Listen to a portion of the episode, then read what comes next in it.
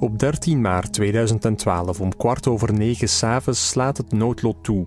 Een bus met leerlingen van de Sint-Lambertusschool in Heverlee en Stekske in Lommel is op de terugweg van Zwitserland na een skivakantie van 10 dagen. In de tunnel op de A9-snelweg tussen Sierre en Sion loopt het mis. Veel ouders leven een hele dag in onzekerheid. Sommigen kunnen hun kind telefonisch bereiken, anderen moeten afwachten. De ouders vliegen diezelfde dag nog naar Zwitserland. Sommigen onder hen vernemen daar pas het tragische nieuws dat hun kind is overleden. Uiteindelijk laten zeven leerlingen, één begeleider en één leerkracht van Sint-Lambertus in Heverlee het leven bij het ongeval. Ook de twee buschauffeurs uit Aarschot kwamen om het leven. De oorzaak van de ramp is tot op vandaag nog altijd niet achterhaald. Sarah Puus zat op 13 maart 2012 op de bus. Zij overleefde het ongeval, maar tot op vandaag tekent het haar leven. Margriet van Volsum was nog maar pas directrice van de Sint-Lambertus School. Je hoort hen in een gesprek met Dirk Roelens. Sarah, jij zat op de bewuste bus. Het is meteen heel moeilijk, merk ik. En uh, Margriet van Volsum, jij was directeur van de Sint-Lambertus-school, bent er nu nog altijd actief. Ja. Het zijn moeilijke weken, neem ik aan, voor jullie, als je met die beelden terug geconfronteerd wordt. Ja, het is telkens opnieuw de herinneringen ophalen en ja, de emoties. Hè. Ja, moeilijke weken. Sarah, zou je het liever niet meer allemaal terugzien? Vroeger was het wel zo dat ik dat niet meer wou zien. Maar ik heb dan gerealiseerd dat dat eigenlijk niet goed is. En uh, ik moet het wel terugzien. En dat is elke keer. Dat is ook gewoon elke dag zie je dat wel terug. Onbewust. Dus ja. ja wat weet je zelf nog van het ongeval? Oh, alles. Um, ik weet nog de crash zelf. Wanneer uh, we in de tunnel gingen en opeens alles zwart werd. En ik was dan toch een tijdje bewusteloos, maar ik werd wakker binnen in de bus. En ik weet nog dat ik vast zat aan mijn stoel, omdat ik mijn gordel had aangedaan. En dat met de stoelen helemaal naar voren waren verschoven. En dat ik de hele tijd aan het, uh, bidden was, om aan het hopen dat ik gewoon naar, naar mijn ouders kan gaan. En dat ik mijn, toch nog iets kan doen met mijn leven. En dat ik gewoon hier levend uit zou geraken. En ook dat iedereen er gewoon uit zou geraken.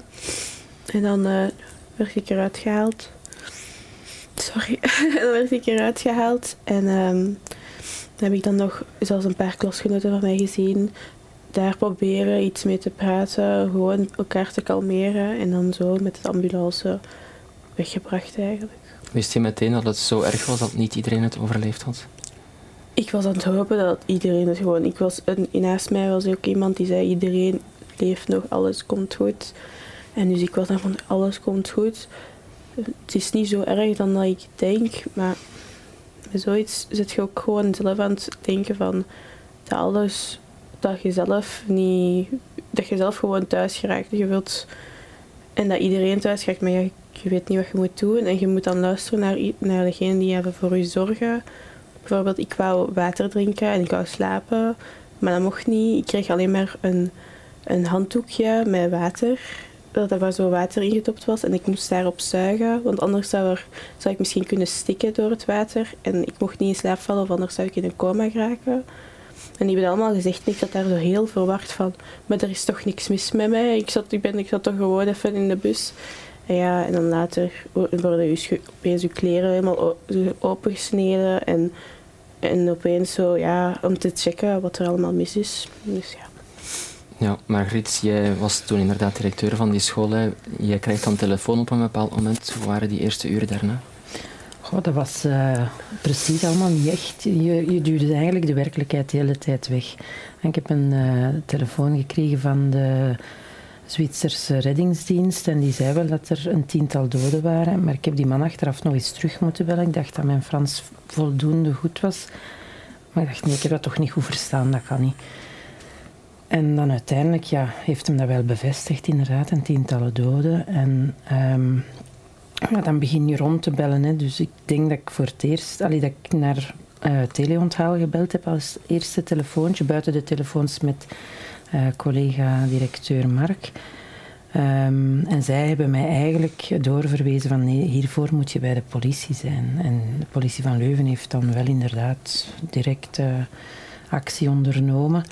Maar dan begin je ouders op te bellen. Of heb ik dat daarvoor al gedaan? Ja, dat is niet meer zo duidelijk. Ehm, die, allee, die film kan ik mij niet meer zo goed herinneren. En je belt dan op en je wordt ondertussen ook opgebeld door andere ouders. En Goh, ik moet zeggen, ik ben toen s'nachts wel een hele tijd in contact gebleven met één papa van een, een, meisje van de klas. Die heeft mij heel hard gesteund ondertussen. En die kon ook telkens wel wat meer informatie van dat kindje is oké. en, en die, die is, ook, uh, heeft zich ook uh, aangemeld of, of de mama weet daar iets van. Allee, zo van die telefoontjes. Dus die mensen bel je dan niet meer op natuurlijk. Want ja, je blijft je lijst uh, volgen. In, maar zelfs als ik naar school vertrok, s morgens vroeg, dan had ik zoiets van, die van ons zijn oké. Ja, heel raar. Je, du je duwt de werkelijkheid gewoon achteruit. Je wilt het eigenlijk niet geloven. Ik heb het eigenlijk pas, want de mensen zelf waren aan het tellen op, als we op de bus zaten naar Melsbroek. En ik heb toen gedacht van nee, ik tel niet. Ik tel niet. En ik heb dat bewust, ben dat blijven volhouden. Tot als je ja, op het vliegtuig en mama hoort een telefoon krijgen, dat het dan toch wel... Uh, definitief slecht nieuws is, dan, ja, dan, dan begin je toe te geven van ja, oké. want jij bent met de ouders naar Sierra geweest en op dat moment wist nog niet iedereen of zijn of haar kind het gehaald had. Van moet... acht kinderen hadden we nog geen nieuws. Um, en dan uiteindelijk daar bleek inderdaad, dat moesten we dus uh, identificeren op fotootjes. Hè. Ja. En dan heb ik dus uh, nog één kindje kunnen identificeren, hè, ons Brit. Um, en als ik die mama en die papa ging halen, dan, dan ja, moest je zo langs de rij stoelen waar uh, ook de ouders van Lommel in bange afwachting zaten. En dan hoorde ik een mama zeggen: Oh nee, het is weer eentje van Lommel, dat, uh, van Heverlee dat het overleefd heeft. Ik heb die mama daar vastgepakt en gezegd: ah, Ik wou dat uw dochter was, dat ik, dat ik kon terugbrengen, of, of uw zoon. Maar ik wist toen niet of dat ze mama van dochter of zoon was.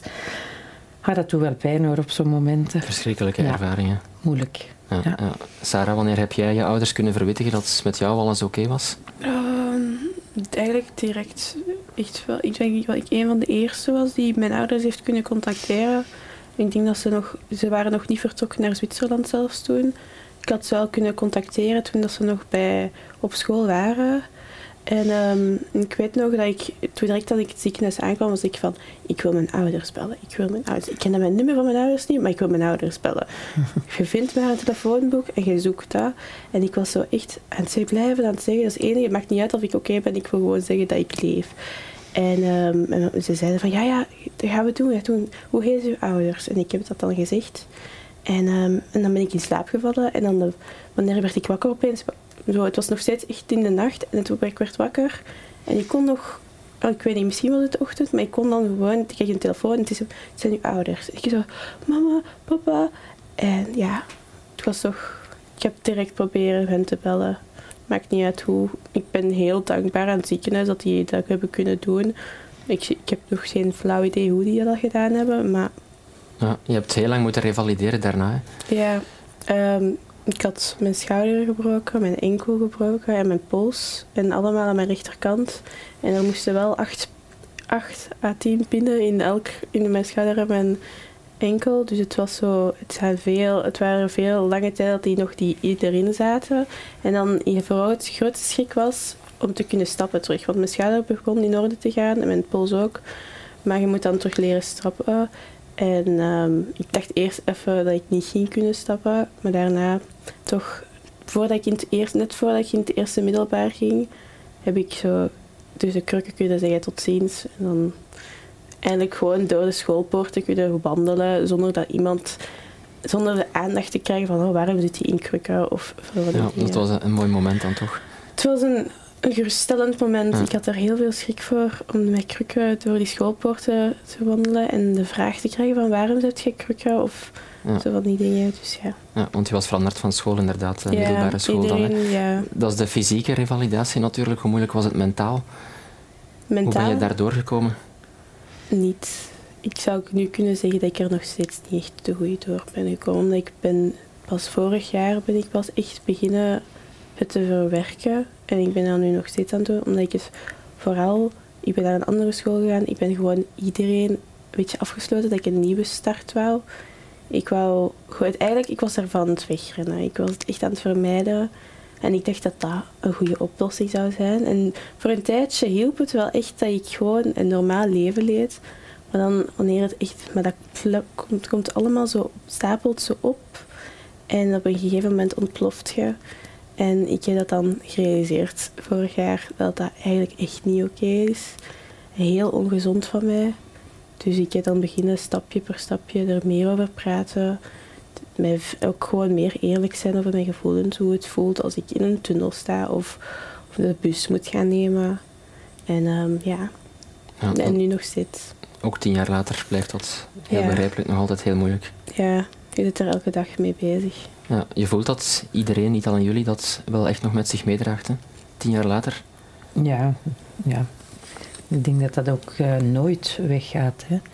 Het is niet omdat wij niet elke dag um, luidop zeggen dat we eraan denken. Dat je komt iets klein tegen op de weg en, en ja, je denkt eraan. Of in, in de turnzaal zelfs. Ik zie sommige kinderen van de klas nog voor de eerste keer de basketbal in die ring krijgen en hoe dat die dan uit een bol ging. Als je dan nu voor hebt dat een kind juist hetzelfde zo een yes-moment heeft, dan, ja, dan denkt van, ah ja, toen, ja, goh. Je werkt ook nog in dezelfde school, dus je ziet nog regelmatig kinderen opnieuw een bus nemen om naar een activiteit te gaan. In het begin was dat moeilijk hoor. Als we op bosklassen of zo vertrokken, was dat heel moeilijk om terug zelf ook op een bus te kruipen. En ik heb dat dan bewust wel gedaan ook. Van kijk, en de juf zit van voor. Kijk man, het is echt wel oké. Het is niet omdat dat gebeurd is dat een bus op zich niet oké is. Dus ik heb dat altijd wel heel bewust gedaan. En ook met buitenschool, met de vereniging ook naar uh, Italië gereisd, door Zwitserland en alles en alles met de bus. Heel bewust ook van dit is oké. Maar het is wel een stap. Veertien dagen na het ongeval heb ik mijn zoon op de bus gezet voor een, een uh, turnstage. Dat de mama's rond rondom mij vroegen van gaat het? Terwijl ik zoiets had van waarom zou het niet gaan? En toen viel mijn frank, ah ja, ja. zo'n lief zit op de bus, ja. ja. En dan begin je daar ook aan u mogelijk te draaien. En dan dan ben ik maar rap in een auto gestapt. Maar uiteindelijk, ja, een bus nemen, ja, kan, kan zonder een bus ook ja. gebeuren. Hè. Maar voor ons is dat wel iets, iets ja. Elk busongeluk dat er nu gebeurt, of daar nadien gebeurde, dat viel ons op. Hè. Ja. Dat viel op, een, ah, oei, een busongeluk. Terwijl ik denk dat er vroeger evenveel busongelukken zullen gebeurd zijn, maar dat viel ons niet op, omdat we zelf daar niet zo met ons twee voeten tussen zaten of in stonden. Mhm. ja. Hebben jullie nog veel contact met elkaar, de ex-klasgenoten? Uh, elk, eh, we zien elkaar één keer per jaar, wanneer herdenking. En we hebben een groepchat waar dat we toch soms in sturen. Maar we zijn allemaal ook tien jaar later. We hebben onze eigen leven. We zijn nu studenten, volwassenen. Dus ja, we, we, gaan, we maken wel contact met elkaar wanneer we kunnen. En er zijn sowieso veel nog, we zijn nog sowieso bevriend met elkaar en zijn hecht en zijn, sommigen zijn nog steeds beste vrienden. Dus ja. ja. het heeft jullie wel dichter bij elkaar gebracht in zekere zin, of sommigen toch? In ik denk iedereen, dit, ik denk dat wij vanzelf kunnen zeggen van deze klas is veel dichter bij elkaar nu dan het zou geweest zijn als het niet gebeurd is. Ja, misschien toch een, een hoopgevende boodschap dan nog om te eindigen. Ja. Oké, bedankt in elk geval voor jullie moedige getuigenis vanavond, Sarah Puus en Margriet van Volsen. Graag gedaan.